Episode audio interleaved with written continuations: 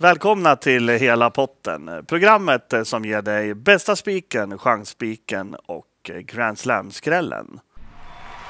Programmet presenteras av ATG.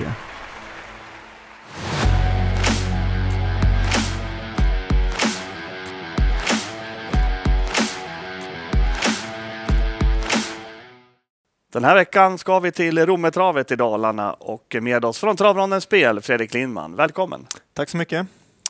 Och Rommetravet har vi varit på några gånger. Vad ska vi ta med oss därifrån? Uh, ja, vi har varit där några gånger. Det är ju långt upplopp, 205 meter, eller långt, det är lite längre än medel. Så att uh, gynnar kanske inte spetshästarna, men, ja, men det är ganska utslagsgivande upplopp ändå, 205 meter skulle jag säga. Sen är det sista helgen nu med skotvång också. Uh, jag tycker att det börjar smygas ut lite hästar i listorna som man ser liksom kanske gör comebacker och så här, men egentligen siktar på ett lopp kanske om två veckor där de får köra barfota eller så där. Så det, eh, det, kan man ha lite koll på faktiskt när man, när man spelar nu, nu till helgerna. Att det är en del hästar som kanske siktar på att ha formen och kör barfota om två veckor istället. De vill alltså ha ett lopp i kroppen nu och eh, senare kanske rycka skorna och köra lite mer offensivt nästa gång. Ja, men lite den feelingen får jag när jag läser på och ringer runt till tränarna här i, till omgångarna i helgen. Och eh, bästa spiken, vi går direkt på den.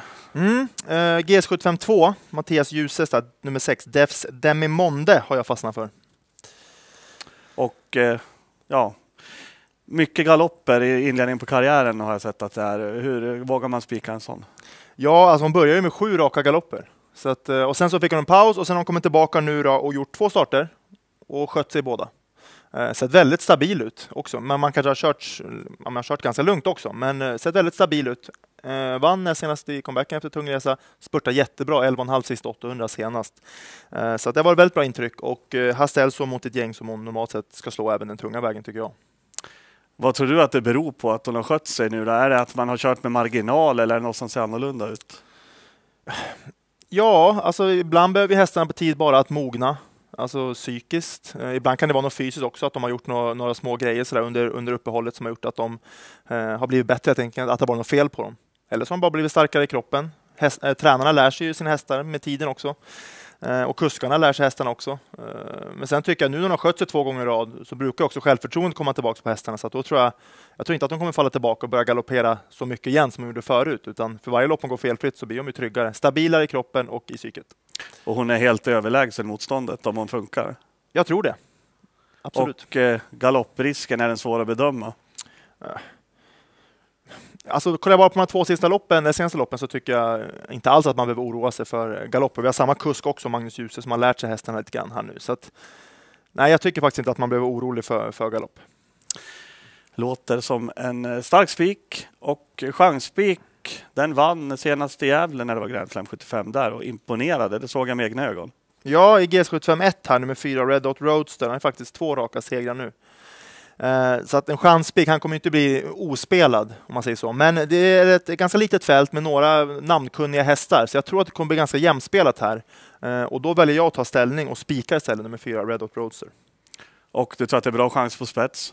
Uh, ja, faktiskt. Han är, ingen, han är ingen raket första biten som man säger, men han kan öppna ganska bra. Och framförallt har han tre hästar invändigt om sig som inte är särskilt snabba, så de tror jag att han tar sig förbi.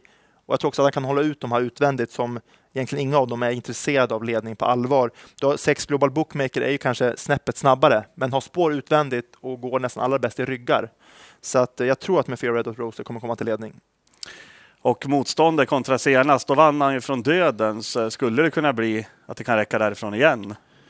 Ja, alltså ledning är ju liksom eh, mitt favoritscenario i det här fallet. Då, då, då tror jag han vinner lätt, men han visar ju senast att han kan gå i dödens och det här är inte så mycket tuffare lopp än det. Så jag tror att han har bra, alltså, kan vinna även om han skulle få dödens eller en ryggresa eh, här. Då.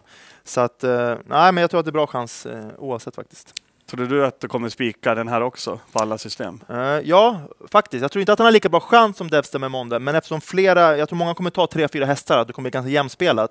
Och, och sträcken bakom honom är liksom inte så intressanta för mig. De kommer ligga runt 20 procent kanske de också. Och därför väljer jag att ta ställning i, i det här loppet då, för fyra Red Hot Roser. Och jag vet ju av egen erfarenhet att eh, i första avdelningen vill man inte spricka. Där vill man gärna kladda på lite extra och det vet jag att många med mig gör. Ja, jo, men det känner man igen. Det vill man ju gärna ofta göra. Så att, uh, nu tänkte jag testa att göra en annan variant. Låter smart. Och eh, Grand Slam-skrällen då? Har vi något mumsigt där? Mm, GS754 nummer 6, Master of Zone. Eh, Joakim Eskilsson har haft några väldigt fina månader bakom sig här där hästarna har höjt sig, tycker jag, kapacitetmässigt och, men också visat fin form.